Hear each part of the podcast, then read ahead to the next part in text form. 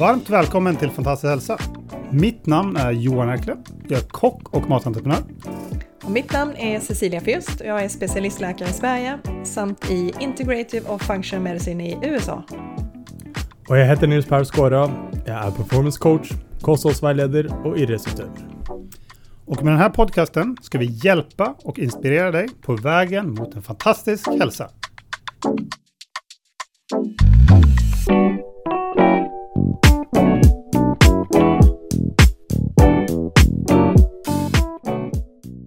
Yes, då är vi tillbaka igen och idag ska vi ta oss av den andra delen av vår serie om signalsubstanser. Idag ska vi ta oss av dopamin och noradrenalin. Så välkommen Cecilia! Tack så mycket Johan! Nu, jag sa ju som sagt eh, dopamin och noradrenalin har jag fått besked av dig att vi ska prata om samtidigt. Så det är alltså två signalsubstanser då? Eller? Precis, det är det. Och eh, eftersom eh, noradrenalinet bildas ur dopaminet. Så, och likadant att den har väldigt specifika funktioner i hjärnan så är det bra att prata om dem tillsammans. Eh, är det. Ja. Men dopamin är den som är, vad ska jag säga, det, det, det är den stora signalsubstansen som har eh, väldigt, väldigt stor inflytande på hur vi, hur vi mår från dagligdags och hur väl vi klarar av att möta dagen med motivation och fokus och intresse Eh, och likadant hur vi känner oss rent eh, mentalt. Så att det är den stora signalsubstansen. Noradrenalin är också en jätte, jätteviktig signalsubstans men eh, är också begränsad både till område och ehm, hur den signalerar eftersom den ska göra lite andra saker som vi ska prata om här. Men vi ska starta med, starta med ja. dopaminet. Bara en fråga bara för att när, när folk hör noradrenalin, då är det kanske något nytt för vissa i och med att man har ofta kanske hört talas om just adrenalin. Mm. Och vad skiljer dem? Eh, de är alltså något som kallas för katekolaminer, alltså det är våra stresshormoner egentligen. Det är väl det som folk känner mest till. Alltså så när de verkar ute i kroppen så är det noradrenalin och adrenalin som är igång och påverkar då olika typer av celltyper och, och responser i kroppen för att vi ska liksom förberedas på eh, flykt eh, och kunna möta den stressade situationen. Eh, och i hjärnan, där har vi då noradrenalin som den främsta signalsubstansen om man jämför de två då. Där har noradrenalin en större betydelse som en direkt signalsubstans. När man pratar om nor eh, noradrenalin och adrenalin ute i kroppen så brukar man också använda sig av eh, uttrycket hormoner istället. När de verkar perifert ute i kroppen. Så man får skilja lite på var de här finns någonstans och var de, var de eh, har sin aktivitet. Okej. Okay. Fick jag svar på det? Men då börjar vi med eh, dopaminet då? Eller? Ja, dopaminet. Eh, som många säkert har hört så är det ju vårt, man brukar säga vårt motivations och eh, fokusämne i hjärnan. Eh, och eh, alltså helt enkelt vår motivationsmolekyl. Så när vi ska få saker och ting gjorda så är det dopaminet som är med och hjälper oss att utföra sakerna.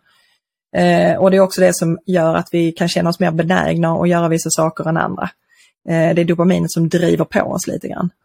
Eh, och ska vi till exempel kunna sitta stilla och lära oss saker så gäller det att vi har tillräckligt mycket dopamin för att skapa den här situationen av fokus. Eh, och när man har för lite så kan man då känna sig, jag ska säga, man kan få hopplöshetskänslor, att man inte är värd någonting. Eh, och man kan få svårt att hantera stress på olika nivåer när man ligger lågt i det. Eh, och människor som ligger lågt i dopamin kan också välja att isolera sig, att man blir mer eh, asocial och inte vill ha kontakt. Man blir mer inåtvänd. Eh, blir mer så här soffsittare, vill inte gå ut och vill inte interagera. Då kan man faktiskt ha låga dopaminnivåer.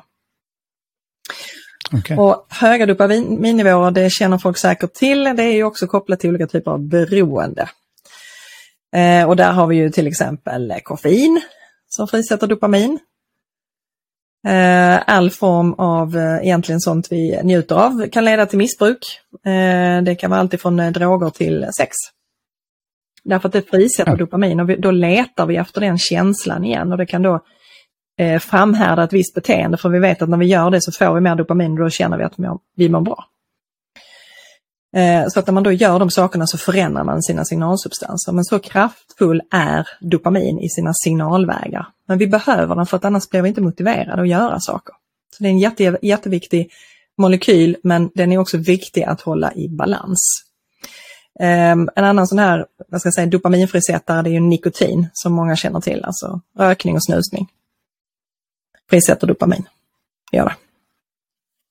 Hur är det med viss typ av eh, typ idrott eller extremsport eller mm. sånt? Är det dopamin där Det är också, också dopamin eh, och det blir ju en positiv form av dopamin. Eh, men det kan ju också bli för mycket men det är också det som gör liksom att man hänger i och gärna vill känna den känslan som man känner när man tränar. Att man får just den här dopaminfrisättningen. Men eh, den eh, blir på ett helt annat sätt engagerar kroppen i stort. Eh, så att det blir ett, ett dopaminpåslag även både i hjärnan men också i fysiologiska förändringar i kroppen. Så att den typen av dopaminfrisättning är någonting man ska sträva efter och är väldigt, väldigt eh, positiv. Eh, och något du själv kanske känner igen Johan, det är ju eh, när du tar kalla duschar. Ja. Då frisätter du också dopamin och det är det som gör att man vaknar till på morgonen. Så de som har svårt att vakna på morgonen eh, kan ha låga dopaminnivåer. Och då kan man försöka släpa sig ur sängen och ställa sig en kall dusch, jag lovar. Då trycker vi på dopaminet och så vaknar man till lite lättare. Det var en rutin jag hade innan jag fick barn ja. i alla fall. Nu är det lite andra ja. rutiner. Men den tyckte jag var väldigt effektiv mm. och väldigt bra. Det är den. Det är den. Det är så att man kan liksom utnyttja lite olika eh, saker. Eh, när det kommer till sjukdomstillstånd så känner folk kanske till ehm, eh, Parkinsons sjukdom eh, där man då har eh, för lite och ojämn dopamininsöndring och att det då påverkar motoriken. Så dopaminet är också då viktigt för olika typer av motorneuron, alltså som styr våra rörelser. Um, så där kan man då få felregleringar och få en sjukdom då som man känner igen som Parkinson. Uh, och där kan man, det kan man faktiskt också få efter eh, olika typer av drogmissbruk, framförallt kokain, som då kan bränna ut de här små dopaminerga områdena i, i eh, cellkärnorna som frisätter dopaminet. Så då kan man också få Parkinson-liknande eh, likna, symptom efter eh, långvarigt drogmissbruk. Ehm, depression eh, kan faktiskt också inte bara handla om serotonin utan det finns då eh, depression som istället beror på låga dopaminnivåer. Ehm, och när man har till exempel då någon som använder en serotoninåterupptagshämmare, alltså det vi normalt kallar för antidepressiva eller SSRI-preparat, Eh, om de inte svarar på de vanliga SSRI-preparaten, då kan det röra sig om en eh, dopaminbrist istället. Då får man byta medicinering. Det kan vara bra att känna till, så man kan faktiskt bli, få ett sänkt humör också beroende på att man ligger lågt i dopamin. Kan ge den typen av symptom. Så det kan vara bra bara att, att veta om att det finns den varianten också. Um,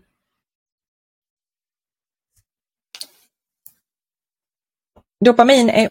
Men vad är det, ja, förlåt. Bara en fråga. Vad är, vad är det man ska göra då för att uh, hitta den här balansen? Då? För att man ska ju inte ha för mycket, man ska inte ha för lite. Precis, inte för mycket, inte för lite. Um, ja, det är lite olika saker. Um, för det första så måste du se till att du har alla former av ämnen som krävs för att bilda dopamin. Eh, och de viktigaste ämnena för att bilda dopamin som vi får i oss via maten, eh, det är våra mikronäringsämnen, alltså våra B-vitaminer. Behövs. Eh, D-vitamin är jätte, jätteviktigt för dopaminproduktionen, så vi som bor här uppe i norr, det är därför jag säger att mät era D-vitaminnivåer, för det är inte bra att ligga lågt. Varken för immunförsvaret eller för dopaminproduktionen i hjärnan.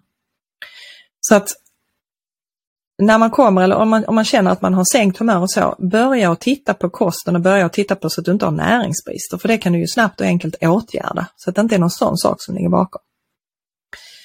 Ehm, um, Omega-3 som finns i fisk till exempel uh, är jätteviktig uh, för produktion av signalsubstanser och bland annat dopamin. Sen gör omega-3 lite andra saker också. Det hjälper oss att balansera serotonin mot dopamin, så man får en bra kombinationseffekt av de två. Så de är viktiga för båda de två systemen. Eh, så näringsbrister är viktiga att se till. Eh, att inte ha en kost som består av allt för mycket socker, snabba kolhydrater, energidrycker. Eh, för allt de där, de tömmer dopaminreserverna och gör att du hela tiden hit, alltså försöker skaffa dig nya nya kickar och till slut så orkar inte de här cellerna hålla uppe produktionshastigheten eller alternativt nedreglerar receptorerna på ytan av cellerna. Så där är det en sak att hålla dig borta från det vi kallar för skräpmat som innehåller mycket socker och tillsatsämnen. Därför då tappar du mängden av dopamin. Eh, något man kanske inte tänker på där är att mättat fett också har en negativ effekt på dopaminproduktionen. Eh, däremot tar du de enkelomättade fetterna som till exempel olivolja så kan det istället då hjälpa dig att producera dopamin. Sen har du också en effektiv eh, styrmekanism att se till att du faktiskt har de här näringsämnena, de här byggstenarna för att hålla igång eh, dopaminproduktionen.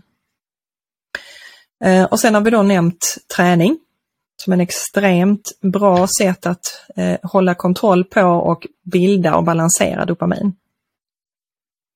Som är jätte, jätteviktigt. Och sen har du naturligtvis nummer tre och det är sömn. Eh, därför att vad som händer när vi sover det är helt enkelt att eh, vissa receptorer sånt går i viloläge och vi ska börja återhämta, återbilda och backa upp våra lager igen. Och det sker under vissa stadier under sömnen. Så att har du en ytlig sömn och inte kommer ner i olika eh, stadier av sömn och får en bra sömnkvalitet så kommer det också påverka Eh, din dopamintillgänglighet och dopaminfrisättning. Och det kan du märka som jag sa innan, till exempel om du har svårt att komma upp på morgonen och du känner liksom att det, kroppen är tung och jag kommer inte ur och jag har ingen motivation överhuvudtaget att gå upp. Det kan bero på många olika saker men dopamin är en av de sakerna som kan vara en spelare när man känner det på det sättet. Så sömnen är jätte, jätteviktig. Ehm, en annan är solljus. Så att vistas ute i solen vet vi frisätter dopamin. Så utomhusljuset är jätteviktigt och då kan man också veta att det finns eh, på näthinnan, eh, när vi träffas av solljuset så även näthinnan finns det små celler som eh, dopamin utsöndras ifrån. Så ska vi hålla ögonen friska så ska vi också vara ute i dagsljus för att hålla näthinnan frisk. Så har vi ytterligare en liten spännande effekt att eh, tänka på. Um, vad ska vi tänka lite mer? Vad kan vara mer? Det som jag hör att det liknar ju serotonin också då, ganska mycket på det. På vad man ska göra åt det? Eh, ja, ja. Eh, det gör det. Eh, men serotoninet är inte beroende av, eh, av D-vitamin till exempel. Ja. Är det inte. Eh, och eh, serotoninet är inte lika stor, har inte lika stor eh, betydelse med B6 som dopaminet har till exempel. Eh, så att B6 är specifikt eh, och ehm, D-vitamin är specifikt. Eh, och sen har du vissa näringsämnen som är extra extra viktiga och det är det vi hittar i, i vissa typer av födoämnen som animalier, där vi då får framförallt tyrosin. Så tyrosin är alltså startmolekylen för att bilda dopamin. Så där har du vikten av att få i dig ordentligt med protein. Men du sa animaler, får man det från något plantbaserat ja, också? Det finns, bara... det finns i plantbaserat också, eh, i mindre mängd dock, men, men det finns i plantbaserat. Man kan till, men det finns tillräckligt där, så nötter och fröer eh, kan man använda sig av där. Eh, limabönor innehåller eh, eh, tyrosin till exempel. Okay. Men eh, som sagt, eh, man får mäta det för att eh, du måste vara noga med kosten när du är vegetarian och vegan. Så att bara se till att du har de här ehm, eh, rika eh, tyrosinfödoämnena så är det inga problem. Men det, det, är enklare när man har lite animalier i kosten och får i sig tillräckligt med tyrosin. Det är det. Men det går alldeles utmärkt om man är vegan eller vegetarian också. Det är bara det att man måste bara vara noga med hur man lägger upp sin kost helt enkelt. Och se till att man har de här födoämnena med sig. Men det går bra. Ja. Um, ett annat sjukdomstillstånd som, som man kanske också eh, känner till och är ganska så, eh, som har diskuterats mycket, det är ju ADHD. Eh, där har man ju också bekymmer då med dopamin på lite olika sätt. Um,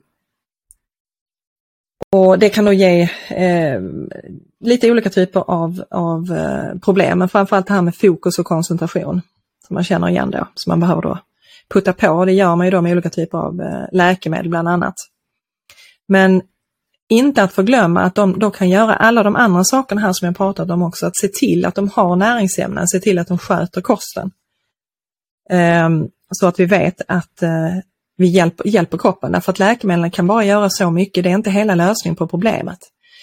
Eh, och hjärnan har också system där den motreglerar, så att använder man ett läkemedel för mycket så får du en moteffekt av att receptorerna nedregleras till exempel.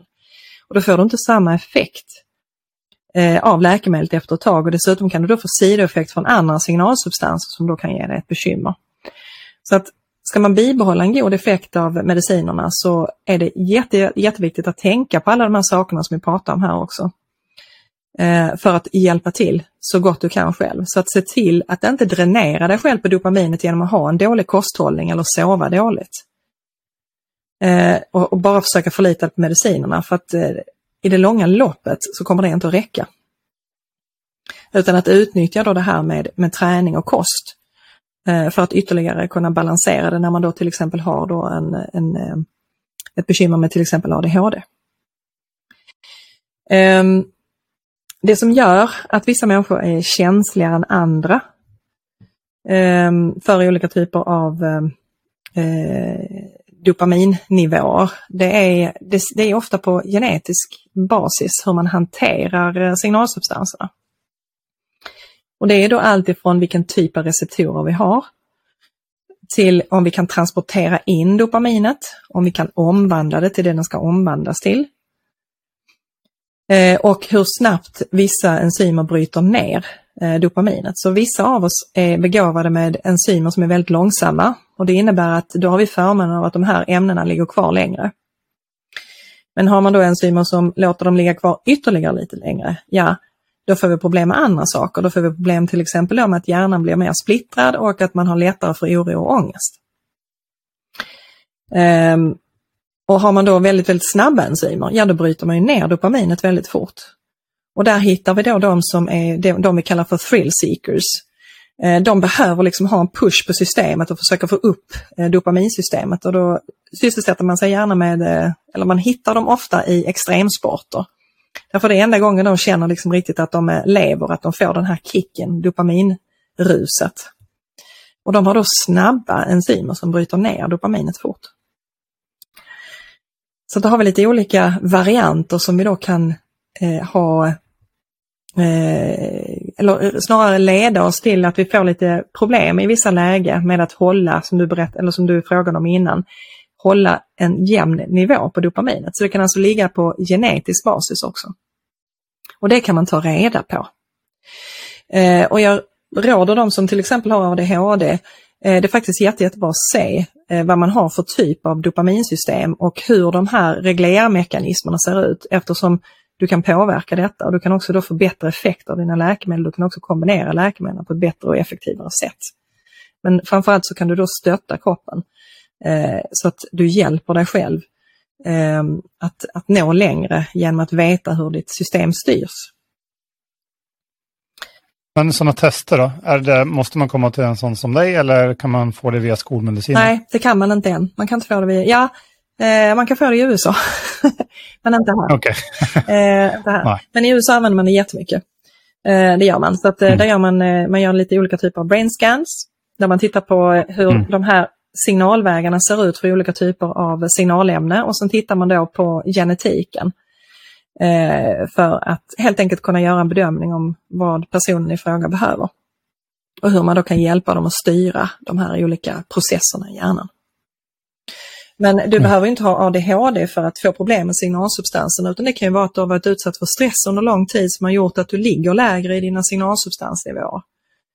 Eh, och då är det minst lika viktigt för dig för du kan få samma symptombild men naturligtvis inte eh, utlöst av att du i botten har eh, eh, problem med kanske transport eller tillverkning av de här ämnena utan det har blivit en obalans och en brist eh, beroende på hur du har levt. Men symptomen kan bli liknande. Kan man återställa då den, för att eh, när du säger det så tänker jag lite på mig själv. Alltså jag har jobbat som kock i stora delar av mitt liv och stressat väldigt mycket med att det är ett väldigt stressfullt yrke. Uh, så att jag misstänker att jag har väl lite kanske utmaningar med det där du säger. För att jag märker att jag inte hanterar stress bra om man, säger, om man kan hantera stress bra. Då, men att jag blir mer påverkad av stress Precis. Negativt. Ja, just det. Alltså man blir, eh, exakt, det, att du blir mer påverkad av stress, det har att göra med just hur de här receptorsystemen ser ut och din förmåga att hantera signalsubstanserna, bryta ner dem och omvandla dem. Så att där kommer det då till individuella variationer i de här systemen och det kan man då ta reda på. Och när man då vet hur de systemen ser ut så kan man också skydda sig på olika sätt genom till exempel att ha bra rutiner.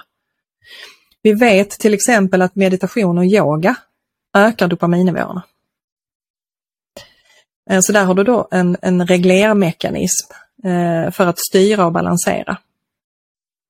Men man kan liksom inte återställa det på något sätt. Man måste bara göra rutiner som hjälper tillståndet i kroppen. Ja, Um, du kan återställa det genom att se till att inte skapa bristerna för dig själv. Så att du har med dig din genetik, den kan du inte göra så mycket åt. Uh, men du kan lära dig att använda genetiken till din fördel. Så att du inte hamnar i en situation där du, där du får de här obalanserna lika lätt. Men du sa det att man kan, om man nu har stressat i väldigt många år, så kan det orsaka en, en, liksom mm. en, en problem. Då. Men den rubbningen, man ska säga, kan den på något sätt återställas? Absolut. Eller, ja. Absolut, kan den det. Eh, och det gör den sakta, med, sakta över tid när man gör de här eh, livstidsförändringarna som vi har pratat om.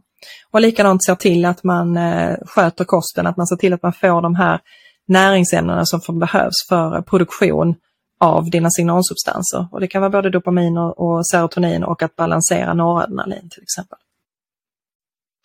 Um, massage frisätter inte bara oxytocin utan det frisätter också dopamin så det är också någonting man kan uh, ta till för att hjälpa sig själv. Uh, så att man ser här, det är ganska mycket du kan göra uh, utöver eh, läkemedel. Ja. Eh, för att hjälpa dig själv att komma tillbaka i balans. Men sen är det ju så att när man då har olika genetiska varianter som eh, man till exempel kan ha då vid, eh, när man har allvarliga ADHD-symptom, då behöver man ju ofta hjälp av läkemedel. Men det är som jag säger att det är lika viktigt att man ehm, också förstår att kosten har en jättestor betydelse för hur bra du kan bli på dina läkemedel eftersom alla läkemedel förr eller senare får Eh, konsekvenser i det här med reglersystemen eftersom kroppen hela tiden strävar efter balans. Så att när du har haft ett tryck på ett visst läkemedel ett tag så kommer det att leda till förändringar på receptornivå och omvandlingsnivå.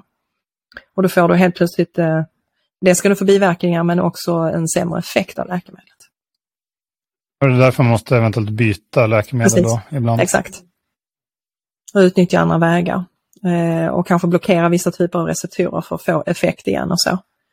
Så att eh, vill man behålla en god effekt så ska man tänka på allt det här andra som vi pratar om här idag, för det har lika stor betydelse om inte mer eh, för att eh, eh, må bra även i en, en sån situation. Att det är mycket man själv kan påverka. Så att man inte känner att man är utlämnad till läkemedel, för det är man inte, utan allt det här påverkar balansen av signalsubstanser och det kan man ju hjälpa sig själv med. Så det är lite spännande. Um, det är ganska spännande här med, med till exempel receptorfördelning och eh, genetik. Vi vet eh, till exempel att eh, kokain går på vissa typer av eh, dopaminreceptorer i eh, hjärnan och det går framförallt på de dopaminreceptorerna som ger eh, vad ska jag säga, ett lyckorus. Och det är därför det är svårt ibland att komma loss ifrån vissa typer av beroende. Därför att man letar hela tiden efter den här känslan och det är också något som är nedärvt i oss, att vi försöker hitta den eh, motiva- det är en stor motivator att försöka få den här känslan tillbaka i kroppen. Och det är därför det är svårt att ofta bryta de här eh, beroendena. Sen ska man veta att det är folk som inte har särskilt många av de här receptorerna. Så när de tar kokain så får de inte den effekten. Eh, okay. Och då är de människorna heller inte intresserade av att ta det igen. Så då har du ytterligare en genetisk variant som man kanske inte tänker på. Så det är inte alla som får den effekten. Därför saknar du de här eller har de i, i, i färre antal så kommer du inte få det här ruset som du får, som vissa får som har många av de här receptorerna. Ja, det var något nytt. Så att det gäller liksom hela tiden att, att, att, tänka utifrån vad kan jag göra, hur ser jag ut och eh, vad kan jag hjälpa mig själv med. Så att vi är, vi är, det är mycket större skillnader egentligen och de här skillnaderna är ganska spännande när man börjar djupdyka i dem och eh, hitta specifika vägar för att kunna hjälpa till, vad man kan göra för någonting. Det vi försöker få fram med den här podden och just det här med att uh, individanpassningen. Precis, precis exakt. I, i, jag tror ju att jag tror att det är dit framtiden kommer att gå oavsett alla fall med liksom den forskningen som kommer mer och mer och mer. Och så det som vi också försöker få fram. Då. Eh, men det är ju liksom, det är där man kommer hamna. Exakt. Det är precis det som kommer hända. Det är där man kommer hamna. Eh, det är det definitivt. Um... Nu har du pratat mycket om eh, just dopamin, men du har väl kanske smugit in noradrenalin där också. Men är det något speciellt man har Um, ja, vi kanske ska prata lite mer om dopamin eftersom det har så stor, det har så stor uh, betydelse för, för uh, olika saker och ting. Um, impulsstyrning är också någonting som uh, är dopamin reglerat, som är viktigt att tänka på. Eh, och där har man gjort en ganska så rolig studie eh, där man erbjöd eh, testpersonerna Antingen att få en mindre summa pengar direkt eller en större summa pengar om de väntade ett tag. Och de då som har svårt att styra impulsen, som då har problem med de här dopaminsystemen, de valde då märkligt nog att ta det här, de mindre pengarna snabbare. Så de valde det här korttidsintervallet, för de, de kan alltså inte styra sina okay. impulser. Då lät man samma personer eh, ta ett läkemedel som blockerar de här receptorerna. Eh, eller man, man, man tog inte samma person, man tog en ny grupp där man hade tittat ut de här receptorerna eh, på genetisk eh, nivå. Så fick de göra samma försök men då gav man de här blockerare. Eh, och då helt plötsligt så kunde de ändra sitt val, då kunde de alltså vänta in eh, den här lite senare rewarden genom att vänta in den större summan pengar. Eh, och det är ganska intressant därför att eh, får du veta det, alltså hur du själv ser ut och styr dig, så, så börjar du också förstå kanske lite grann hur ditt beteende kan, kan drivas i vissa situationer och lära dig att styra dig själv lite bättre. Det är ganska spännande när man börjar gå in och titta på de här detaljerna. Det här är alltså, det är det som gör oss till de vi är. Och att vi alla är olika, och det är inte meningen att vi alla ska bli likadana, men det är ganska fascinerande att tänka på att det här styrs alltså av tillgänglighet på ämne och tillgänglighet på receptorer och respons eh, i olika individers hjärnor. Så det är mycket spännande när man börjar kika på det. Det är intressant. Um, får man för mycket dopamin eh, och trycker på, eh, som man till exempel kan åsamka sig själv om man eh, missbrukar olika typer av droger, så kan man få hallucinationer. Om man har för mycket dopamin. Då tappar man alltså verklighetsuppfattningen. Ehm, och har man då för lite så vet vi i andra änden då, om vi har alldeles för låga nivåer, då kan vi då hamna i andra läget istället och då har vi då det här med depressionerna som jag pratat om. Är det andra saker förutom uh, droger som kan skapa en så stor mängd att man hallucinerar? Um, ja, det är det. Uh, det är det. Man, man, man kan ha en uh, det ska jag säga, det här med, med hur receptorerna, uh, hur man har bildningen, upptag, användning gör ju att vissa har svårare för att reglera nivåerna i hjärnan. Um, så att i vissa typer av sjukdomstillstånd där man har svårt att reglera signalsubstanserna så, så kan man då drabbas av psykoser och hallucinationer utan någon som helst droger. Och det är då felsignalering i hjärnan. då, är, då är det kopplat till olika typer av sjukdomstillstånd. Är det. Så att det finns. Eh, ja, okay. ja. Um, jag ska tänka här, var det något mer? Uh, jo, um, när vi tänker på det här med näringsämnen som behövs så uh, kan man tänka på också att uh, C-vitamin är också ett ämne som behövs för dopaminproduktion. Tänker man kanske inte på. Och hur stora mängder är det så att man kan äta det via kosten Absolut. eller borde man ta tillskott? Absolut. Se till att ha frukt och grönsaker så täcker du ditt behov. Men, Ja. men till exempel, låt oss säga att man kommer in i en, situation där man kanske har haft det lite jobbigt och man har pressat eh, sig själv. Och man kanske ligger lite lägre, man har haft dålig kosthållning och då inte producerar tillräckligt mycket dopamin. Eh, så att genom att då kasta sig in och käka lite grönsaker och mycket frukt och sånt så kan du liksom hjälpa kroppen att komma tillbaka igen. Genom att välja annorlunda. Eh, och då eh, som sagt backa upp systemet med de här näringsämnena. Så att att tanken slår ändå, hur äter jag? Kan det bidra till att jag mår dåligt? Så bara försöka, eller att eh, människor runt omkring dem gör dem uppmärksamma på eh, och stöttar upp eh, och hjälper till, till exempel kosthållen. För det kan vara svårt ibland när man inte är motiverad tillräckligt att hålla en bra kost. Att det är någon runt omkring som uppmärksammar det och då hjälper dem eh, på vägen. Och eh, även då som doktor att man uppmärksammar vad personerna framför dig faktiskt äter. Att du ställer frågan. Hur ser din livsstil ut? Sover du bra? Vad äter du för någonting? Så att de får eh, beskriva det. Alltså när jag jobbade som eh, vanlig doktor, så att säga, innan jag, innan jag enbart sysslar med det jag gör idag. Då lät jag ju mina eh, patienter till alla annars eh, förundran göra kostanamneser. Så att jag skickade hem dem så fick de ta tre vanliga dagar och sen eh, två helgdagar. Där de fick skriva upp allt de åt och drack. Och så tog jag tillbaka dem efter två veckor. Eh, och så kunde man då göra en, en kostanamnes på det och se. Eh, och göra en uppskattning. Eh, och såg jag då att det såg dåligt ut, ja då kunde jag ta prover för att, se om de täckte in sina näringsbehov. Och då kunde vi börja i den änden. Eh, och där kan jag säga att där hade jag ett gäng IT-killar. Det uppmärksammar jag ganska snabbt att eh, de, det var inte, eh, man tror att det är lite av en myt, men de åt faktiskt ofta väldigt dåligt och höll igång sin hjärna med eh, Coca-Cola. Okej. Många av dem. Eh, helt fascinerande. Eh, och den jag hade som, som drack absolut eh, mest, han drack 4 till 5 liter Coca-Cola om dagen. Det är helt sjukt. Eh, och jag kan säga att det näringsstatuset se- såg väldigt, väldigt eh, tokigt ut. Men genom att vi då började prata om det och jag eh, tog tillbaka honom och vi diskuterade det här med att äta, han gjorde små förändringar. Så gick ner i vikt, började röra lite på sig, ändrade sin kost och sakta men säkert så lyckades vi liksom ta honom ur eh, den situ- situationen han befann sig. Med eh, sänkt humör och svårt med motivationen och allt det här. Sakta men säkert kom han tillbaka igen. Eh, Så att det är mycket man kan göra genom att faktiskt bara våga ställa frågan.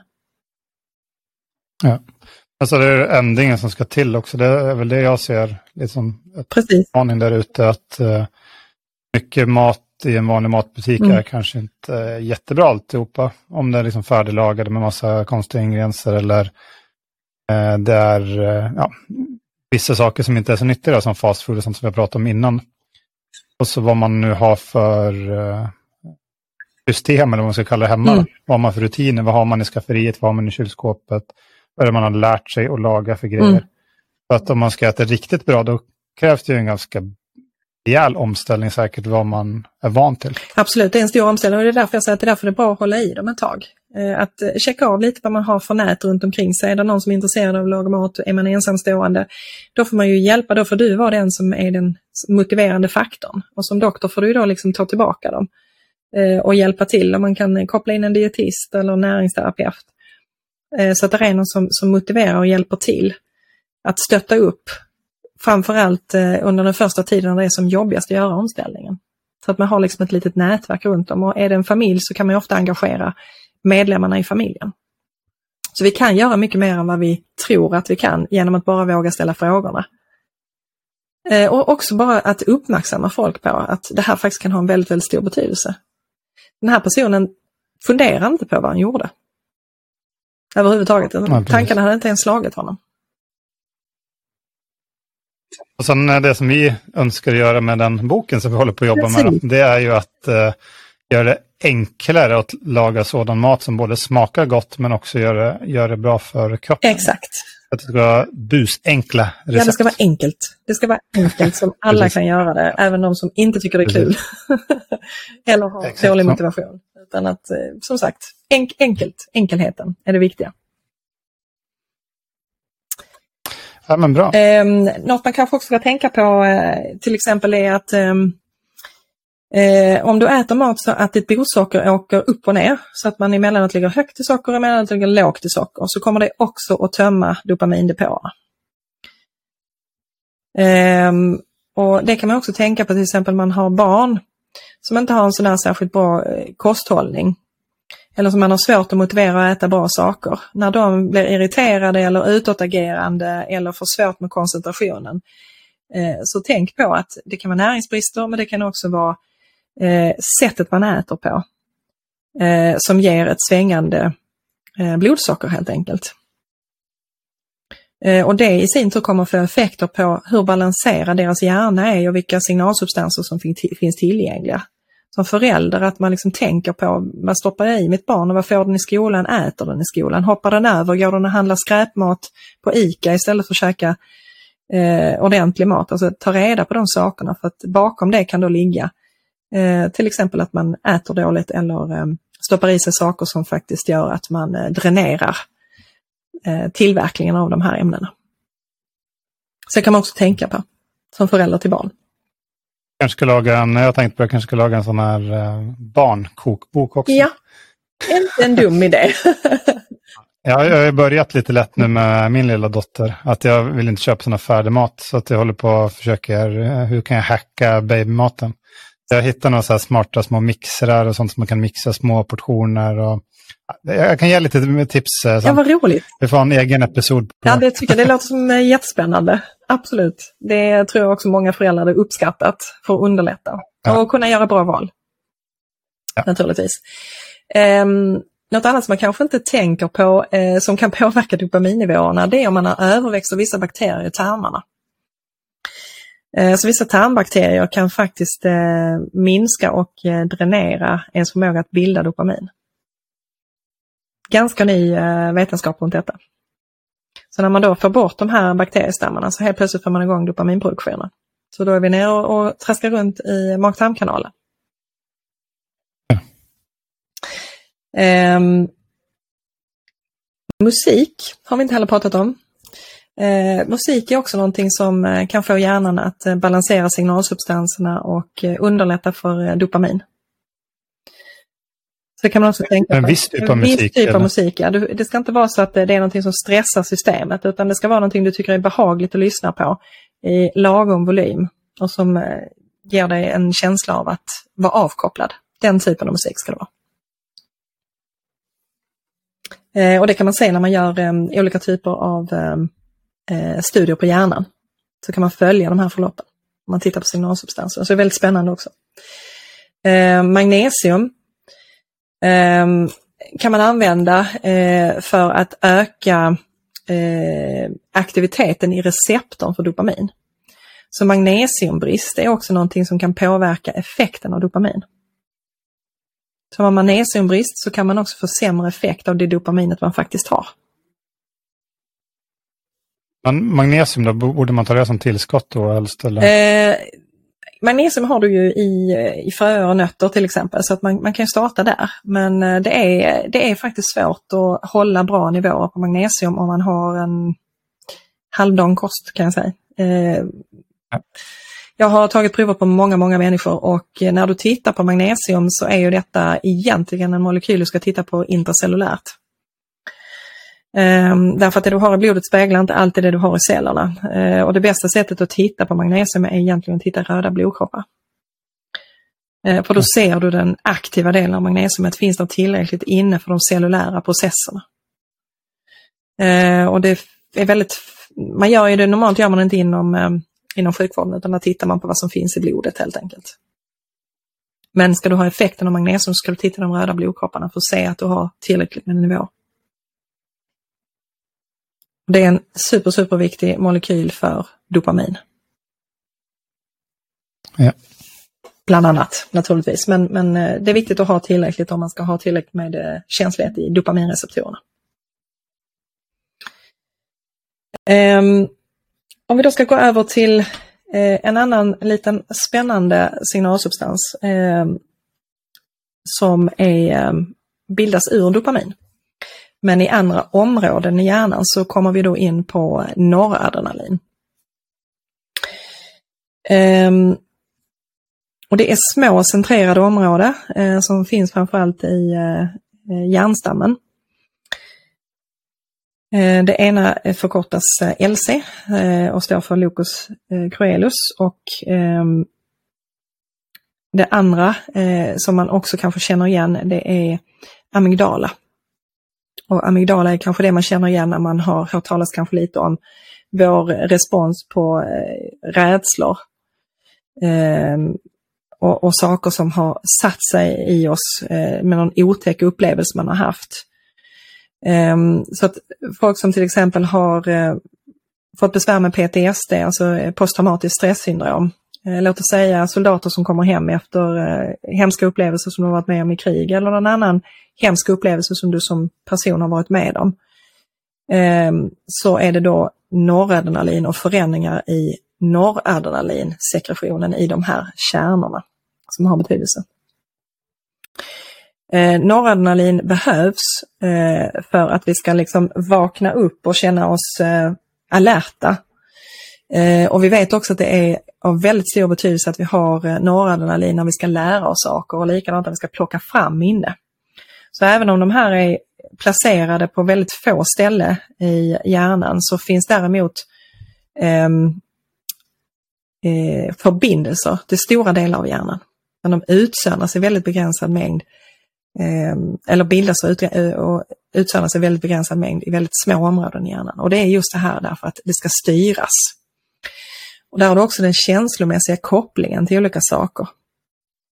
Eh, och det är också det som gör då till exempel att man kan drabbas av PTSD om man får en, en väldigt, väldigt stark rädsla för någonting eller sätts i en situation.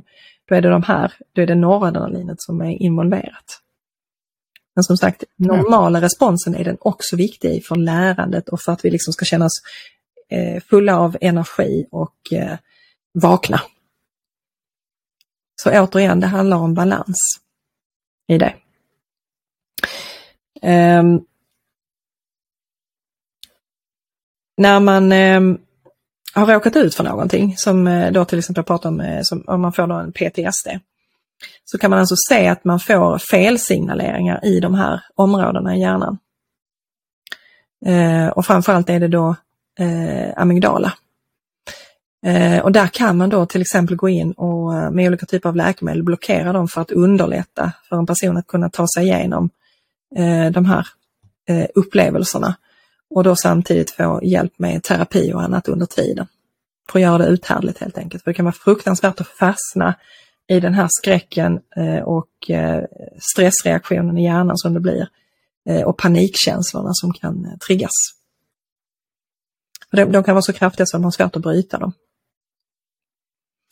Ehm, och eftersom noradrenalinet är involverat i vakenhet så blockerar man de här receptorerna tillräckligt mycket så kan man naturligtvis påverka, alltså man kan söva människor genom att blockera de platserna. Så så pass kraftigt, kraftig effekt kan man få eh, av eh, olika eh, sätt man kan påverka eh, noradrenalinutsöndringen. Du sa läkemedel där. Mm. Det som, eh, som eh, jag har hört lite om, du nämnde innan att det var ganska negativt med till exempel droger som eh, kokain. Men vissa har ju börjat experimentera mer med sådana här psilocybin och sådana saker som du hittar i sån här magic mushroom ja. mot sådana som har varit med om trauma och sådana saker. Ja. Har det, känner du till någonting om det eller har det också samma negativa effekt? Eh, vad man gör det är som sagt att man blockerar eh, de här eh, receptorplatserna och eh, signalsubstansöverföringen. Så att eh, man kan alltså, många gånger träffar man på personer som eh, på ett eller annat sätt självmedicinerar och det är faktiskt för att stänga av ja. de här reaktionerna. Och man vet okay. att eh, noradrenalinet är eh, ganska så involverat i GABA-systemet också så att eh, då försöker man liksom påverka de här vägarna för att försöka stänga av reaktionerna. För att försöka göra det mer uthärdligt för sig själv. Och Det är också därför som man kan fastna i olika typer av beteende. Eh, för att man inte står ut med, med känslan det framkallar helt enkelt. Och det är när du får en felstyrning i det. Men som sagt den positiva sidan av det, det är det att det gör oss vakna. eh, alerta och gör att vi lättare kan eh, eh, lära oss saker helt enkelt. Så att det är när det blir o, eh, obalans i det som vi får problem. Därför vi behöver kunna känna de här känslorna med skräck och obehag eh, för att lära oss att den här situationen ska inte hamna i fler gånger. Så det är en viktig signal. Men när den blir omotiverad eller eh, felsignalerande, när det liksom blir en, en tanke eller en känsla som hela tiden finns kvar, låt oss säga att det blir ett väldigt, väldigt kraftigt minne av hemska händelser, då är det ju någonting som vi då måste försöka hjälpa personen med för att annars så kommer det här vara självgenererande och kommer göra att den här personen befinner sig i det här tillståndet och har svårt att bryta sig ur det.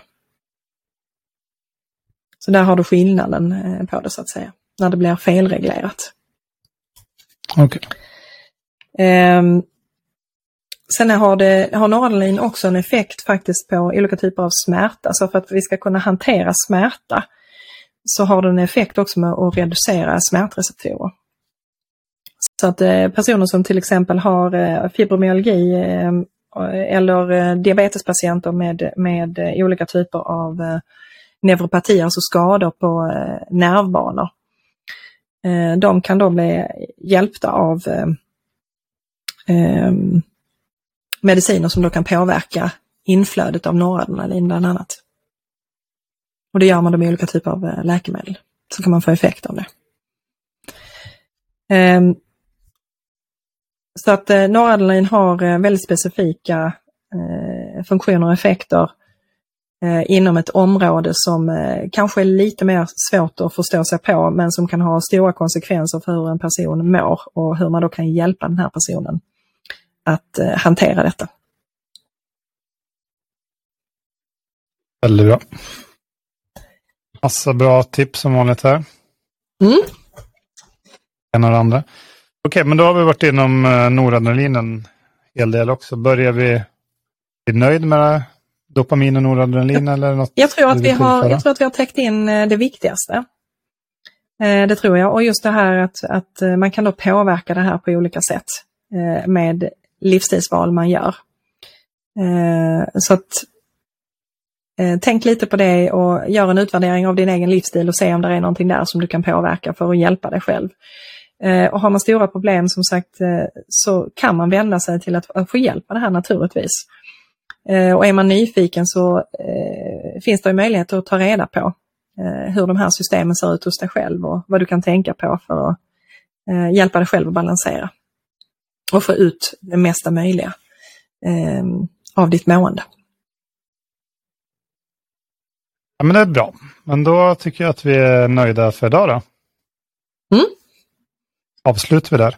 Och så fortsätter vi eh, nästa vecka då med en, eh, ett nytt avsnitt i den här serien. Det kan vi berätta lite mer om då, tänker jag. Okej, men då tackar vi för idag, Cecilia. Tack Johan. Tack, tack. Ha det bra. Du kan följa med på vår hemsida fantastiskhälsa.com eller på vårt Instagramkonto som är fantastiskhälsa i ett ord.